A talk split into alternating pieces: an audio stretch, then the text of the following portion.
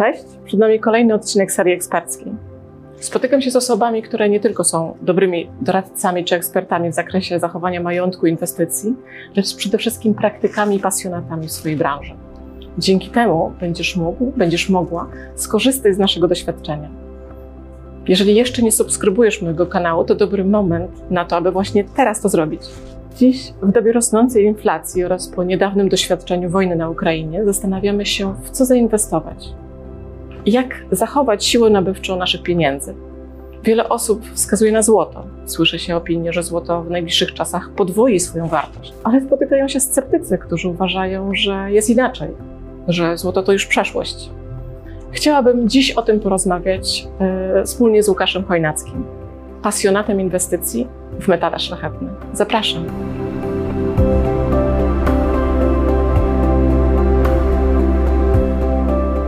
Witam na moim kanale Anna Maria Panasiuk, Wealth Advisory i zapraszam na spotkanie z Łukaszem Chojnackim, doradcą w inwestycjach w metale szlachetne, historykiem, autorem książki pod tytułem Jak inwestować w złoto i srebro, absolutnym pasjonatem tej dziedziny. Czy, dzień dobry Łukaszu i czy mógłbyś od razu coś o sobie powiedzieć? Dzień dobry, witam. No, nic dodać, nic ująć. Może jeszcze w zasadzie krótko siedzę w tej branży od 15 lat i rzeczywiście jestem pasjonatem, tak więc każdy aspekt e, inwestowania w srebro i złoto mnie całkowicie absorbuje i interesuje, tak więc miło mi, że tutaj mogę się pojawić. Kilkakrotnie spotkaliśmy się na y, y, wspólnych transakcjach naszych klientów. Y, mogliśmy wymienić opinie na temat tego, co na rynku złota się dzieje, dlaczego ta cena idzie w górę lub w dół, jakie są tendencje.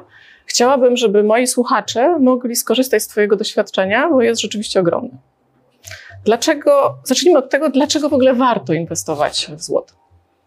No, powodów jest wiele. E, myślę, że warto zacząć od tego, że w ostatnim czasie zainteresowanie złotem wzrosło w sposób skokowy. Oczywiście dzieje się to za sprawą tak zwanej inflacji, czyli wzrostu cen. E, Jeszcze w ostatnim czasie, to znaczy, który to jest czas? E, można to powiedzieć tak, że przyspieszenie to jest ostatnie 2-3 lata, Natomiast sama branża w Polsce rozwija się mniej więcej tyle czasu, ile ja w niej jestem, czyli mniej więcej 15 lat. Czyli można powiedzieć, że do mniej więcej 2008 roku w Polsce nie istniała ta branża w takiej formie, w jakiej istnieje ona na przykład na Zachodzie, na przykład w Niemczech.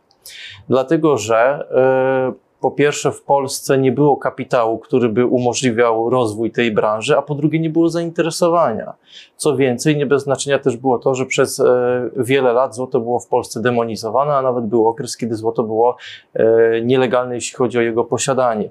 Więc można powiedzieć, że ta branża w Polsce dopiero się rozwija. Nie powiedziałbym, że raczkuje, e, ale jeszcze nie biegamy, tak jak państwa zachodnie, czy na przykład Szwajcaria. Więc to jest, e, więc to jest tak w ramach e, wstępu. E, powody są tak naprawdę, jest jeden fundamentalny. Złoto jest nośnikiem wartości. Ono przynosi swoją wartość w czasie, przechowuje swoją siłę nabywczą i w przeciwieństwie do innych aktywów nie jest ryzykowne. E, oczywiście wszystko ma swoje plusy i minusy. Można powiedzieć, że złoto też nie daje takich profitów, jak na przykład agresywne inwestowanie, czy w akcje, czy w kryptowaluty, czy szereg różnych innych jakichś aktywów. Złoto nawet nie jest inwestowaniem. Złoto jest swoistego rodzaju ubezpieczeniem. Czyli jeśli chcemy zarobić, to nie kupujemy złota, tylko jeśli chcemy utrzymać kapitał, jaki posiadamy. Tak. Dobrze to rozumiem? W bardzo dużym uproszczeniu. Oczywiście mhm. są momenty, kiedy złoto daje zarobić, powiedzmy więcej niż współczynnik inflacji i nierzadko się tak dzieje, natomiast nie są to horrendalne y, profity. O tym trzeba powiedzieć wprost. Są krótkie okresy w historii czasu, ale one są krótkie, więc tutaj nie łapiemy, y, nie łapiemy tak zwanych szczytów, bo tego się nie daje tak naprawdę złapać. I to jest istotne. Istotne to jest też z punktu widzenia wielu inwestorów, którzy, którzy w pewnym momencie swojego życia raczej przyjmują postawę defensywną, czyli mamy, powiedzmy, nie wiem, czy zbliżamy się do, jeden z przykładów, zbliżamy się do emerytury, mamy pewien kapitał już odłożony, czy na starość, czy dla dzieci, dla naszych sukcesorów i my już nie jesteśmy zainteresowani tym, żeby działać w sposób ofensywny, już nie chcemy dokonywać chcemy eks, inwest- ekspansji naszej firmy, Inwestować ryzykować, i tak. pomnażać, tylko chcemy zachować to, co Tak. posiadamy, bo to wystarczy, tak? Tak, i to Mhm. od tysiącleci można powiedzieć spełnia tą funkcję złoto. Dlatego w Niemczech i w Szwajcarii inwestowanie w złoto jest czymś powszechnym. Jeden z banków, Commerzbank bodajże w Niemczech w 2018 roku zrobił badania na temat tego, jakie ilości złota posiadają Niemcy. I okazuje się, że statystyczny dorosły Niemiec, statystyczny dorosły Niemiec posiada około 100 gramów czystego złota u siebie w domu czy w posiadaniu. To jest naprawdę potężna ilość.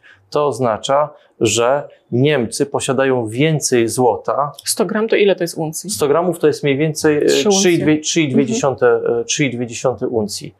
I ta ilość w posiadaniu e, prywatnych rąk, by tak sprawę ująć, e, jest większa niż całe rezerwy złota e, Niemiec. A, Okej, a, Niemcy, a Niemcy są w czołówce, jeśli chodzi o kraje, które posiadają złoto. E, Spotkałam się z opinią w ciągu ostatniego tygodnia, e, z jednej strony, że złoto w ciągu najbliższych kilku lat podwoi swoją wartość, a z drugiej strony, ty mówisz o sytuacji historycznej, kiedy Commerzbank robił badania, ale patrząc w przód, złoto ma niewielkie zastosowanie praktyczne. I jako takie może być przez ludzi niepostrzegane długoterminowo jako jednak lokata i inwestycja. Mhm. Bo ono nie ma zastosowania. To może zacznijmy od tego drugiej kwestii, czyli Mhm. zastosowanie praktyczne złota. No nie jest to do końca prawdą, dlatego że współczesna nauka i współczesna technologia coraz bardziej zaczyna dostrzegać zastosowanie technologiczne złota, zastosowanie przemysłowe. Od choćby na przykład w tak rozwijającej się branży jak e, podróże kosmiczne. Poza tym, no można też powiedzieć, że sam przemysł biżuteryjny to jest w ogóle potężna gałąź przemysłu. Jeżeli weźmiemy takie rynki jak e, indyjski rynek czy chiński rynek, to w ogóle okaże się, że złoto zdecydowanie ma, e, zdecydowanie ma swoje zastosowanie przemysłowe. Ale na to i tak bym nie zwracał aż tak bardzo uwagi, jak na swoistego rodzaju aspekt antropologiczny, chciałbym powiedzieć. Złoto jest po prostu wpisane w kulturę. naszego Tak, globu. i to są, to są tysiąclecia, które pokazują, że ilekroć próbowano walczyć ze złotem, ono nie chce z tej kultury zniknąć. My kulturowo, społecznie, ekonomicznie, psychologicznie nadajemy złotu wartość. Dlatego, że po pierwsze ma wartość przemysłową, Naprawdę to tysiąclecia e, temu już stosowano złoto w wielu różnych rzeczach, tak jakby chociażby no, na przykład biżuteria czy pieniądze, ale współcześnie też się zaczyna je wykorzystywać w wielu różnych gałęziach przemysłu. Nie wiem, kilkadziesiąt lat temu chociażby na przykład w przemyśle dentystycznym złoto odgrywało potężną rolę. Złocenia przecież na przykład, e, czy złocenia ram obrazów, czy dachów w dawnych czasach, kiedy kiedy na przykład przedmioty sakralne odgrywały dużą część, jeśli chodzi o rozwój kultury, złoto było naprawdę czymś fundamentalnym w przemyśle, o ile w ogóle przemysł można stosować do, do gospodarek sprzed kilkuset lat, ale to już tam e, pal licho e, słowa, jakie tutaj stosujemy. Więc złoto na pewno ma wartość przemysłową, na pewno ma aspekt praktyczny, ale przede wszystkim ma aspekt monetarny. Od tysiącleci największą rolę odgrywało e, fundamentalną rolę w systemach monetarnych, w wymianie towarowo-handlowej. I to z nami jest po dziś dzień. Szkopuł polega na tym, że nas się o tym w szkołach nie uczy. My nie wiemy, jaką to rolę odgrywało na przestrzeni dekad, i gdybyśmy znali chociażby historię ekonomii XX wieku, to wnet byśmy zobaczyli, że jeszcze 100 lat temu nasi przodkowie posługiwali się złotem na co dzień na co dzień. To był pieniądz, tak jak dzisiaj idziemy i płacimy gotówką czy kartą, tak się wtedy posługiwano złotem. Więc e, na pewno bym e, polemizował z taką opinią, że złoto nie ma wartości praktycznej.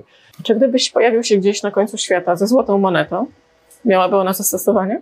W większości przypadków tak. Oczywiście na Antarktydzie mielibyśmy problem z upłynnieniem tego, ale jeśli weźmiemy na przykład, nie wiem, kraje najbardziej rozwinięte, e, w zasadzie to kraje, gdzie dotarł internet.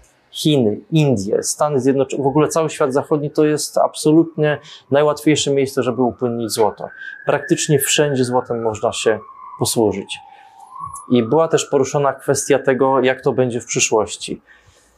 E, ja myślę, że naszych odbiorców to mocno by e, troszkę zanudziło, gdybym zaczął mówić o tym e, w kategoriach takich ekonomicznych, agregaty finansowe, podaż pieniądza i tak dalej. To jest zanudzające. Ja lubię się odwołać do pewnych alegorii, do pewnych historycznych rzeczy, bo to bardzo dobrze tłumaczy to, co się dzieje ze złotem w chwili bieżącej. I pokrótce tylko bym opowiedział, że w wieku XX już miało miejsce to, co się dzieje w tej chwili. Czyli, Czyli? to była kumulacja złota przez państwa, przez banki centralne wielu zachodnich państw. Co to oznacza? E, bardzo pokrótce. W latach 20. i 30. i w latach 60. i 70. na świecie była bardzo wysoka inflacja. Ja inflację postrzegam jako dodruk pieniądza, który dopiero ma swoją konsekwencję w rosnących cenach produktów i usług. I te banki centralne wielu krajów na świecie rozumiały pewne mechanizmy, więc zaczęły kumulować złoto. W jaki sposób? Po prostu kupując je i chowając w skarbcach. Przykład współczesny. Pan Glapiński z Narodowego Banku Polskiego przecież w ostatnich dwóch czy trzech latach kupił setki ton złota. To wszystko jest w tej chwili w Polsce kumulowane. O tym się nie mówi. Nam się mówi, że powinniśmy kupować obligacje skarbowe, ale oni kupują złoto. Dlaczego? Dlatego, że rozumieją pewne mechanizmy. I w latach dwudziestych No to wszystkie banki centralne, jak rozumiem, Bardzo w tej wiele. chwili sprzeda- Bardzo kupowały wiele. złoto. Mogę za, zaraz wymienić kilka z nich. I w latach 60. i 70., kiedy był tak zwany kryzys inflacyjny, który polegał na tym, że Stany Zjednoczone dodrukowywały duże ilości pieniądza i ceny rosły do góry, w tamtym okresie również banki centralne państw zachodnich zaczęły kumulować złoto. W jednym i w drugim przypadku skończyło się wzrostem cen złota. I nie dlatego, że ten popyt został wymuszony, znaczy cena została wymuszona poprzez wzmożony popyt, tylko dlatego, że banki centralne przewidziały, że drukowanie pieniądza zaowocuje w pewnym momencie wzrostem ceny złota. I wtedy to miało miejsce, czyli przy pierwszej kumulacji złota między 1925 a 1933 rokiem, I to samo w latach 60. i 70., czego zwieńczeniem był rekord ceny złota w 1980 roku na poziomie 850 dolarów. W chwili bieżącej my w tej chwili to mamy. Nie mówi się o tym, że banki centralne na świecie kupują złoto, kumulują je, być może w myśl zasady, że mądry pieniądz lubi ciszę. A to, że inflacja w tej chwili trwa, każdy to widzi. Tylko, że banki I za centralne. chwilę cena złota pójdzie w górę. Najprawdopodobniej tak. Analizowałam cenę złota przez ostatnie e, 20 lat, porównywałam to do inwestycji na rynku nieruchomości, czy, e, czy na przykład dolara. Mhm. E, No to wartość dolara praktycznie przez ostatnie dwa lata e, konstant w miejscu. Złoto e, mocno przekroczyło e, swoimi, swoim wzrostem Mhm. e, wzrost e, wartości nieruchomości Mhm. w Polsce. Więc zdecydowanie e, trzyma tą wartość. To Polska zwłaszcza jest dobrym krajem. Ktoś mógłby polemizować z tobą, yy, gdybyśmy wzięli pod uwagę wartości dolarowe. Natomiast, ale to i tak jest tam do, dosyć duża korelacja, więc wcześniej czy później w dolarach też będzie to samo, co w Polsce. Polska jest o tyle dobrym przykładem, że politycy pokazują, w jaki sposób e, wykorzystuje się nowinki poligraficzne, czyli to, jak drukować na przykład na trzy zmiany na ulicy Sanguszki. Może to brzmi troszkę prześmiewczo, ale my wszyscy Polacy cierpimy na tym, ponieważ inflacja jest ukrytym podatkiem. Więc obserwując to, my widzimy, że działa mechanizm e, upadku waluty, który się przejawia w tym, że ceny produktów i usług idą w górę. I wracając do tych nieruchomości e, i złota, rzeczywiście tak, być może, e, że złoto lepiej się zachowało w ostatnich kilku latach aniżeli nieruchomości. Wciąż jednak zwróciłbym uwagę na to, żeby postrzegać rzeczy przez pryzmat określonych przedziałów czasowych, bo Tak żeby, jest. żeby być obiektywnym, no ja też muszę stwierdzić, że złoto nie zawsze się świeci tak jasno jak y, współcześnie. Są lata, kiedy złoto jest w tak zwanej bessie. I to były na przykład y, lata 80. i 90. na świecie. Z czym to było Po związane? 2008 roku też tak, jakby taki był Te- spadek. Też przez chwilkę, ale kiedy złoto jest w cudzysłowie słabe? Wtedy, kiedy rynek działa. Wtedy, kiedy rynek działa i wtedy, Mhm. kiedy jest mocny pieniądz. A mocny pieniądz mm, jest wtedy, kiedy politycy, kiedy politykom zależy na tym, żeby pieniądz był mocny, żeby były wysokie stopy procentowe, żeby wszystko się rozwijało stabilnie, ale powoli. Wtedy, kiedy jest dobra alternatywa. Oczywiście, że tak. A wtedy, kiedy my drukujemy i ktoś odcina z tego tytułu kupony, a inni nie odcinają, no to wtedy niestety, stety, niestety, zależy po której stronie się jest, są to dobre czasy dla rynku złota. Czyli to jest ten moment, kiedy należy to złoto kupować. Moim zdaniem tak. Jeżeli panowie z ulicy Wiejskiej i y, z Placu Powstańców Warszawy nie zatrzymają się w swoich bieżących działaniach, w Polsce złoto będzie y, rosło, jeśli chodzi o cenę. No, myślę, że to nie tylko oni się przyczyniają do tego Tak. wzrostu tej ceny, ale jeśli chcemy wejść w inwestycje w złoto, to teraz proszę porozmawiajmy o tym, czy inwestować w złoto fizyczne, czy y, korzystać z alternatywy, jaką dają na przykład y, banki Szwajcarii. Y, bardzo proszę, możecie u nas kupić certyfikat. Wszystko zależy, jaką potrzebę ma klient. Mhm. to naprawdę jest istotne, bo jeżeli ja osobiście spotkałem się z klientami z dużymi portfelami, ci z największymi portfelami mają takie możliwości, że oni niekoniecznie kupują e, złoto w formie fizycznej u kogoś takiego jak ja. Tak? Ponieważ oni mają tak duże możliwości, e, że po prostu udają się bezpośrednio na przykład do Zurichu Mhm. i tam po prostu kupują złoto, które może być zdeponowane w sposób bezpieczny w tamtym właśnie Bank. kraju, banku. Niemniej jednak są klienci również z dużymi portfelami, którzy korzystają z rozwiązania pod tytułem złoto fizyczne i wtedy spotykają się z kimś takim jak ja. Ale przepraszam, ale jeden i drugi klient, o którym teraz mówisz, kupuje złoto fizyczne, Tak, Tylko jeden deponuje go w skarbcu Szwajcarii, w instytucji finansowej, która pomaga mu w tej transakcji, tak, a drugi y, przychodzi y, do ciebie w Warszawie, Tak. kupuje złoto i wychodzi z tym złotem fizycznie Tak. od ciebie. Ale to nadal jest fizyczne złoto. dokładnie Tak? tak. A ja mówię jeszcze o sytuacji, w której y, Bank Szwajcarii nie proponuje fizycznego złota. Nie musi to być Bank Szwajcarii, to jest Mm. tylko przykład. Ale bank nie proponuje fizycznego złota, Mm. tylko proponuje certyfikaty na złoto. Czyli inwestuje się w wartość y, odzwierciedloną y, na złocie, ale fizycznie tego złota się nie posiada. tak. I tylko to jest, zapis na to złoto. to jest spekulacja. Mhm. To jest spekulacja, dlatego że jeżeli inwestujemy w certyfikaty na złoto, to znaczy, że inwestujemy w certyfikaty, nie w złoto. W certyfikaty na złoto, czy na ropę, czy na srebro, ale to nie jest coś namacalnego. Jeżeli klientowi to odpowiada, w porządku. Natomiast Znaczy, Okej, ale to porozmawiajmy, czy to jest ryzykowne, tak? A jeśli jest ryzykowne, to w jaki sposób zabezpieczyć to ryzyko albo mieć świadomość tego ryzyka, tak, Yy, no bo nie każdą ilość złota da się schować. Zgadza A zaraz do tego jeszcze przejdziemy. ryzyko polega na tym, że taki certyfikat później nie będzie łatwy w upłynnieniu. Mhm. Dlaczego? Dlatego, że raz na jakiś czas my potrzebujemy złota fizycznego. Na giełdzie metali szlachetnych, na rynku kontraktów istnieje coś takiego jak realizacja kontraktu.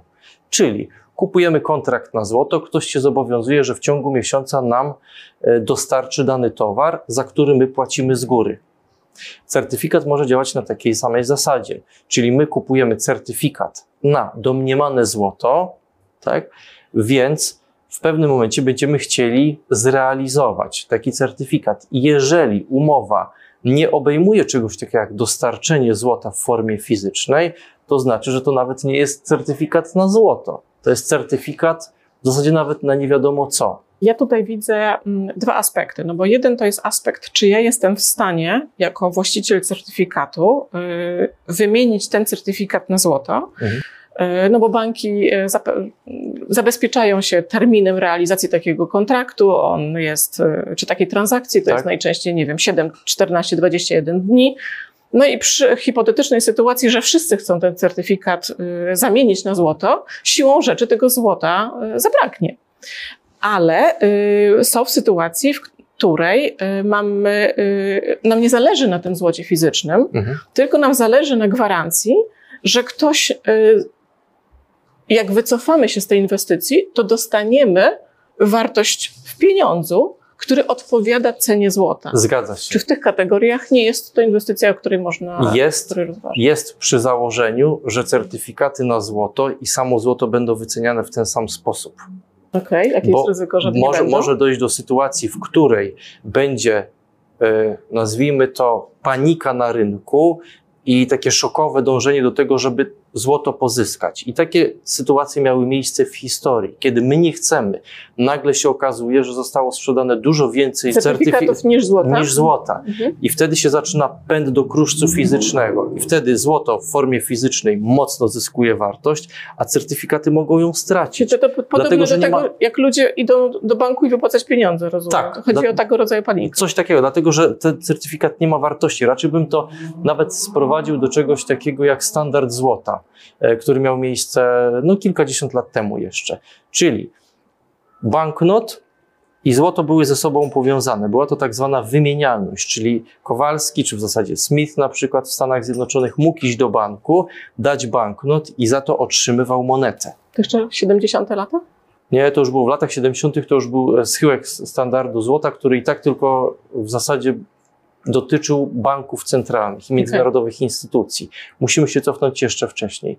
No i taki Kowalski mógł wymieniać sobie papier na metal, ale jeżeli w pewnym momencie okazało się, że papier traci wartość, tak jak ma to miejsce współcześnie, a dany bank wydrukował więcej e, papierów, banknotów, które miały, które mogły być wymienione na metal, no to w tym momencie no, jest, nie było pełnego to pokrycia. To jest oczywiste. Tak, nie było pełnego standard. pokrycia. Mhm. I to samo jest z certyfikatami. Jeżeli ktoś domniema, że wszystkie certyfikaty są pokryte złotem, jest w błędzie.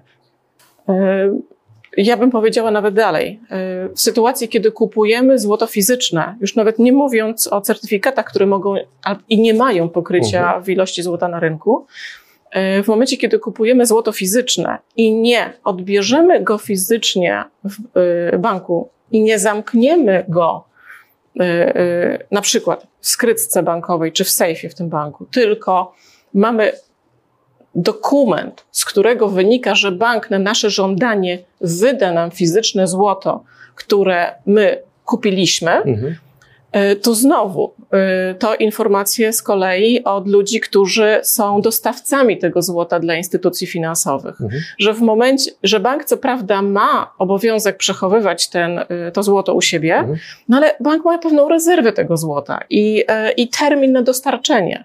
Czyli w momencie, kiedy jest tego rodzaju żądanie od strony nas jako inwestora, to najczęściej polega jego realizacja po stronie banku na tym, że jest telefon do dostawcy, słuchajcie, podstawcie złoto, bo y, klient sobie życzy y, na nie popatrzeć. Tak.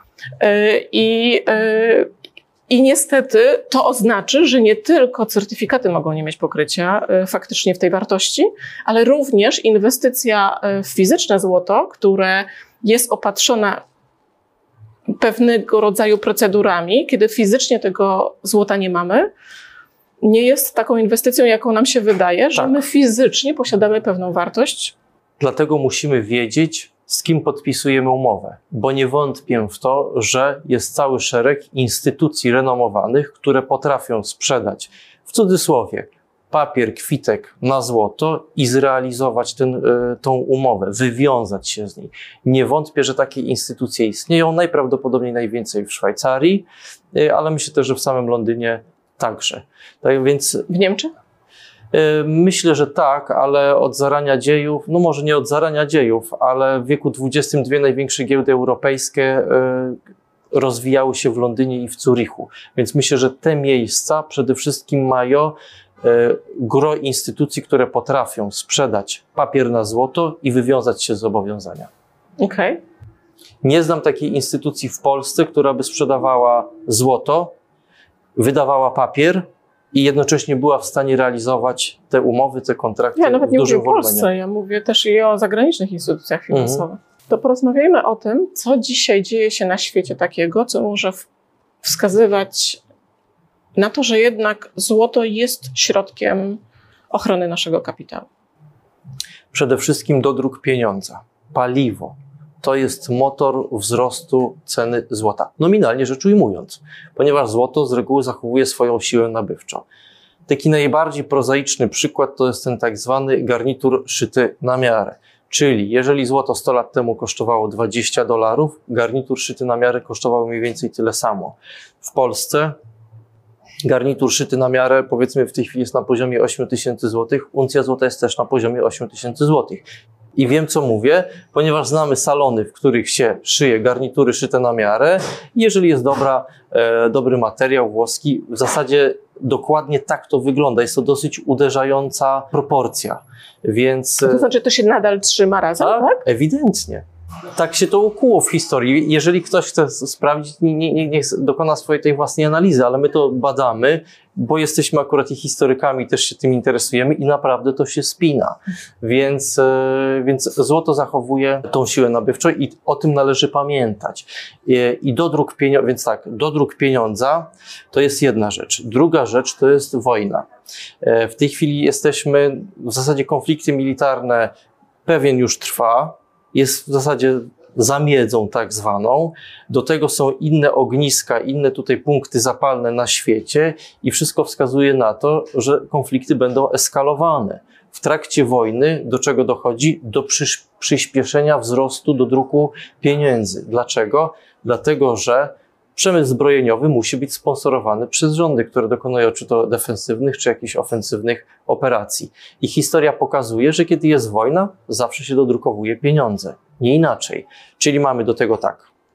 Inflacja, do tego mamy, e, do tego mamy wojnę. Jeżeli do tego dołączymy tendencje rządów, my żyjemy w czasach rządów socjalistycznych, nie kapitalistycznych, ponieważ jest szereg programów, które mają służyć temu, aby pomagać ludziom. Czyli płacimy 500 plus, 1000 plus, 13, 14, 18 i tak dalej. Te pieniądze nie spadają z nieba i nie pochodzą z kieszeni, z portfeli polityków. Te pieniądze są wydrukowywane. Czyli mamy jeszcze raz dodruk pieniądza, e, dodruk pieniądza w związku z realizacją programów socjalnych, do tego mamy finansowanie konfliktów militarnych, tak? czy tam powiedzmy działań defensywnych, bo my na przykład nie musimy atakować, wystarczy, że już musimy się zbroić w, w ramach operacji obronnych i już to podnosi poziom pieniądza w gospodarce. E, I czwarta rzecz i piąta rzecz, powiedzmy, wrzućmy to do jednego koszyka.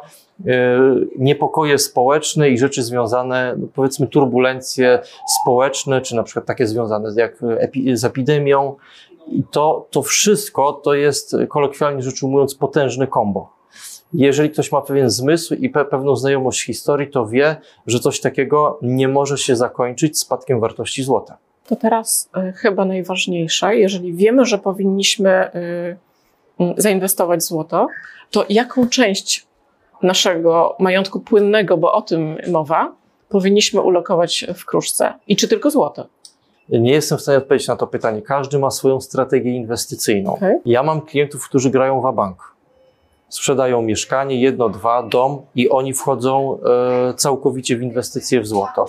Mamy takich klientów, którzy dywersyfikują sobie, tacy, którzy potrafią mieć kryptowaluty, nieruchomości, troszkę swój biznes jeszcze wspomagają, do tego parę złotych jest wydawane na metale szlachetne. Wśród metali szlachetnych też próbują dokonać jakiejś dywersyfikacji, czyli trochę srebra, trochę platyny, e, rzadko, bo rzadko, ale raz na jakiś czas ktoś kupi jeszcze pallat. Więc reguły nie ma, wszystko zależy od preferencji i potrzeb e, danej osoby. Ja myślę, że w najbliższych czasach. Oczywiście, no, człowiek by powiedział, no, e, że swoje chwalę. Tak, swoje chwalę i w dużej części oparłbym e, portfel na metalach szlachetnych lub czymś, co ma bezpieczny charakter. Dlatego, że kiedy czas, kiedy w ekonomii czasy są niestabilne, wtedy trzeba przyjąć postawę defensywną a inwestowanie w akcje lub e, nowe przedsięwzięcia, wtedy kiedy nie wiadomo, czy zaraz nie będzie kolejnego lockdownu, to jest działanie ryzykowne. Mhm. Bo ponieważ wiemy, sam znam przypadki, kiedy na przykład dany restaurator podejrzewał, że będzie lockdown i zastanawiał się, czy otwierać kolejne restauracje, czy nie. Otworzył. Niestety przez pierwszy, e, pierwszy rok było to dla niego z potężną stratą. Nie wiemy, w jakich czasach będziemy, więc musimy korzystać z tego, co jest defensywne i pozbawione ryzyka. Czyli ten, e, e, ta reguła, którą, która się utarła jakiś czas temu, że 10% złota, rozumiem, nie jest adekwatna do naszych czasów, że trzeba popatrzeć na swój portfel, na swoje inwestycje w, w, kontekście y, no, bardzo y, szerokim tego, w jakim biznesie jesteśmy, jakie mamy możliwości inwestycyjne, jakie kompetencje, jaką wiedzę i dzięki temu podjąć decyzję, które nadwyżki, jeżeli jesteśmy otwarci na inwestycje w złoto, włożyć właśnie Tak. yy, w rynek yy, kruszców. Myślę, że tak. Ja bym to jeszcze naświetlił z innej strony. Wyobraźmy sobie, że podzielimy nasz kapitał na różne aktywa. Tylko teraz trzeba wiedzieć, że te aktywa, jest czas hossy i bessy na dane aktywa, na dane instrumenty finansowe i odwrotny na inne. Przykład najbardziej banalny to jest dolar i złoto. Dolar i złoto są ze sobą negatywnie skorelowane, czyli kiedy wartość dolara rośnie, wartość złota spada. To jest statystycznie do udowodnienia. Wystarczy w zasadzie rzucić wykresy, porównać dwa wykresy. Bez sensu jest więc mieć połowę w dolarach i połowę w złocie, bo wtedy, kiedy jedno rośnie, drugie spada. Więc musimy spróbować do jakiegoś stopnia przewidzieć, co przyniesie nam przyszłość. Oczywiście to jest wciąż przewidywanie przyszłości i musimy snuć jakieś hipotezy i nie jesteśmy pewni, czy tak się wydarzy. Natomiast pewnym hipotezom, pewnym wydarzeniom możemy przypisać wyższe prawdopodobieństwo i w ten sposób niejako zaryzykować. No, w chwili obecnej na pewno commodities, nie dolar. Tak. W chwili obecnej. Okej. To jak już kupimy to złoto, Mhm. mówimy, że więcej niż 10%, Mhm. a dzisiaj nasi przedsiębiorcy, inwestorzy, no te 10% to jest trochę więcej aniżeli parę lat temu. Mhm. Gdzie to chować? jak to składować? To jest chyba najtrudniejsza sprawa, prawda? Możliwości jest sporo. Można oczywiście zdeponować to w Szwajcarii, jeżeli mamy daną y, jakąś instytucję zaufaną. Są w Polsce również prywatne przedsiębiorstwa, prywatne firmy, w których można y, wynająć skrytkę depozytową i tam przechowywać swoje metale. Wreszcie można wynająć skrytki w bankach komercyjnych i tutaj byłbym powściągliwy. Może to byłby temat na omówienie kiedyś y, w jakichś innych y, okolicznościach. Byłbym bardzo powściągliwy, jeśli chodzi o przechowywanie złota w bankach, zwłaszcza tych największych w Polsce. Dlaczego? Dlatego, że istnieje pewne ryzyko, że gdyby naprawdę doszło do trudnych i turbulencyjnych e, czasów, to historia pokazuje, że te skrytki depozytowe w bankach, czy komercyjnych, czy państwowych, były po prostu opróżniane przez aparat rządzący. To jest fakt. To jest fakt. Nie twierdzę, że tak będzie. Myślę, że jest to raczej mniej prawdopodobne aniżeli bardziej, ale wciąż istnieje taka możliwość. I wreszcie trzecia rzecz, można przechowywać to we własnym zakresie. No i tutaj jest pełne spektrum możliwości. E, To też można o tym było długo opowiadać. Grunt to wiedzieć, gdzie nie przechowywać. E, I, czyli gdzie nie, są pewne miejsca w mieszkaniach, gdzie absolutnie nie kładziemy, nie zostawiamy wartościowych rzeczy, ponieważ są to miejsca, które złodzieje wyjątkowo dobrze lubią, e, wyjątkowo lubią przeszukiwać i dobrze to robią. E, Możemy się posiłkować sejfami, które skutecznie odstraszają większość złodziei. I wreszcie jest tak zwany bank ziemski, którego ja osobiście, czy jestem zwolennikiem, takie rozwiązanie ma bardzo wiele plusów, dlatego że nikt nie ma do tego dostępu poza nami. E, Jeżeli ktoś, jeżeli to miałoby być, dajmy na to, że ktoś posiada hektar ziemi. Ja wiem, że to kosztuje trochę zachodu i parę kalorii trzeba spalić. Natomiast jeżeli mamy kawałek ziemi, czy hektar, czy pół hektara, wiemy, gdzie to chowamy, wiemy, jak głęboko jest to schowane, to tutaj nie ma przypadku. To, tego nie może nikt znaleźć, jeżeli nie wie, że to tam jest schowane. Chyba, że za jakieś tam 300, 400, 500 czy 1000 lat, tak jak czasem się dzieje, że jest remont na ulicy i pracownicy e, pod rozwalonym chodnikiem odnajdują jakiś tam garnuszek ze złotymi monetami. Wypadałoby komuś o tym powiedzieć. Łukasz, mamy 22 rok. Ludzie inwestują w kryptowaluty, a my rozmawiamy o tym, żeby chować złoto y, w ziemi. Co to za czasy? Jakbyś to y, uzasadnił y, w momencie, kiedy młodzi ludzie w ogóle o takich rzeczach nie myślą. Oni myślą o tym i tego nie oceniają w żaden sposób, o inwestowaniu w kryptowaluty. Mhm. Tak? Bo to też jest być może ten moment. w jakiś kierunek. To, co mi przychodzi na myśl, to jest to, że jestem w stanie zrozumieć, dlaczego młode pokolenie jest, ma większą inklinację do nowinek technologii, bo to tak działa. Tak rozumiem, że młode pokolenie patrzy, patrzy z zaciekawieniem na coś takiego jak Nie ty- kryptowaluta. Nie tylko młode, to są też ludzie 50-60 plus, którzy Rozumiem. siedzą na tym rynku. Tym bardziej, że jest tam, y, nie wiem, jest wokół tego dużo, dużo hałasu. Ludzie poznają tę technologię i ona ma pewną wartość. Ja z tym nie dyskutuję. Tylko, że my musimy wiedzieć, że to są różne aktywa. Wiele osób mówi, że Bitcoin jest lepszy od złota. Ja wyjątkowo nie lubię takich stwierdzeń, dlatego że jest to stwierdzenie bardzo ogólne. Jest dobre pod jakim względem? No moim zdaniem wartość bitcoinów e, o wartości 1000 dolarów i o wartości 100 milionów dolarów waży tyle samo.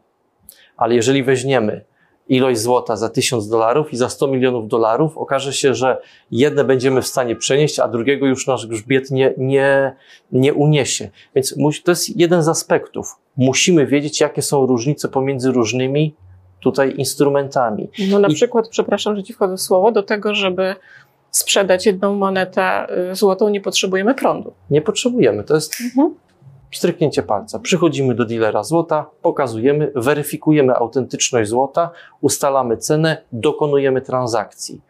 To samo się dzieje z bitcoinem. Idziemy do kogoś, czy, czy do tego e, urządzenia, które zajmuje się wymianą pieniędzy na kryptowaluty, czy idziemy do kogoś, kto realnie się tym zajmuje, ale bez prądu tego nie zrobimy. Więc musimy wiedzieć, jakie są różnice jakie są, dlatego jeżeli inwestorzy, klienci wiedzą, jakie mają potrzeby, to wiedzą, czy oni bardziej się skłaniają ku kryptowalutom, czy ku, ku nieruchomościom, czy ku złotu.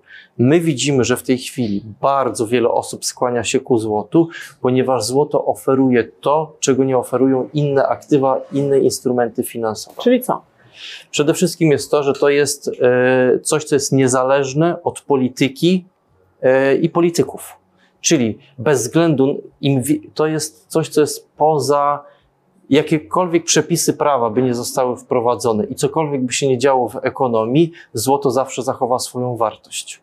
Czy będziemy mieli czasy wojny i okupacji, będziemy posługiwali się ogniwkami z łańcuszka. Czy mamy czasy stabilne, będziemy złotem e, handlować i być może na przykład jubilerzy będą z nich robili obrączki czy pierścionki zaręczynowe. W jednych i w drugich czasach złoto znajdzie swoje zastosowanie, czyli mamy pewną stabilność i pewną przewidywalność. Druga rzecz, odporność na inflację i na działania polityków.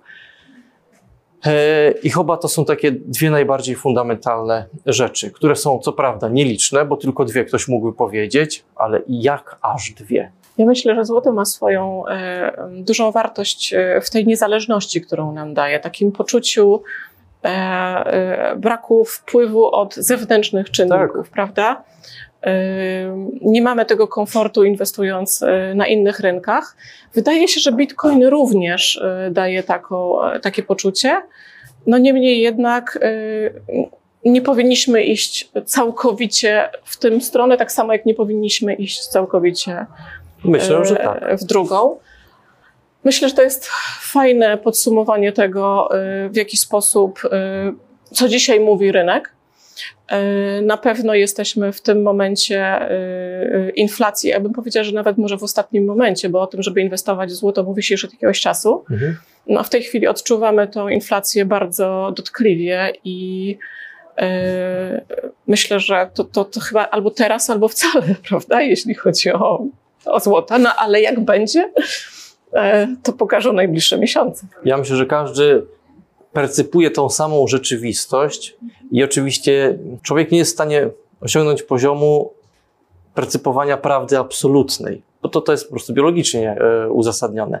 Natomiast większość z nas zgadza się co do tego, co widzi w świecie zewnętrznym, dlatego każdy z nas powinien sam wydedukować, w jakim kierunku zmierzamy. I to, co ja widzę, trakcie rozmów z klientami, to jest to, że coraz więcej osób postrzega, że czasy będą raczej niestabilne, aniżeli stabilne, bazując na obserwacji cen, bazując na obserwacji nastrojów, bazując na obserwacji poczynań polityków. Tak więc jednak gdzieś tam mamy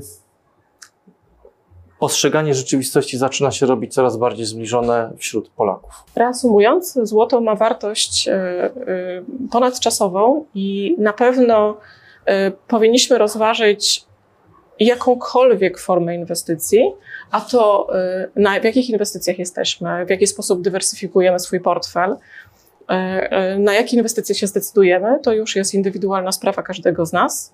Myślę, że padło dzisiaj dużo argumentów e, pokazujących, do czego służy złoto. Tak? To nie jest forma inwestycji, jest to forma zabezpieczenia kapitału. Złoto to temat, o którym warto pamiętać. Jest najstarszym środkiem płatniczym, aktywem inwestycyjnym na rynku finansowym. Mam nadzieję, że w tym odcinku wspólnie z Łukaszem powiedzieliśmy, jak z niego współcześnie korzystać i jest to dla Was pomocny materiał. Zapraszam do subskrybowania kanału Wealth Advisor Anna Maria Panasiuk poprzez kliknięcie przycisku poniżej, a także do komentowania odcinków. Chętnie na każdy komentarz odpowiem. Mój kanał jest dostępny na YouTube, Spotify i Apple Podcast. Jeżeli chcecie się ze mną skontaktować, zapraszam na stronę www.annamariapanasiuk.com. Zapraszam na kolejny odcinek za tydzień. Do zobaczenia i miłego dnia.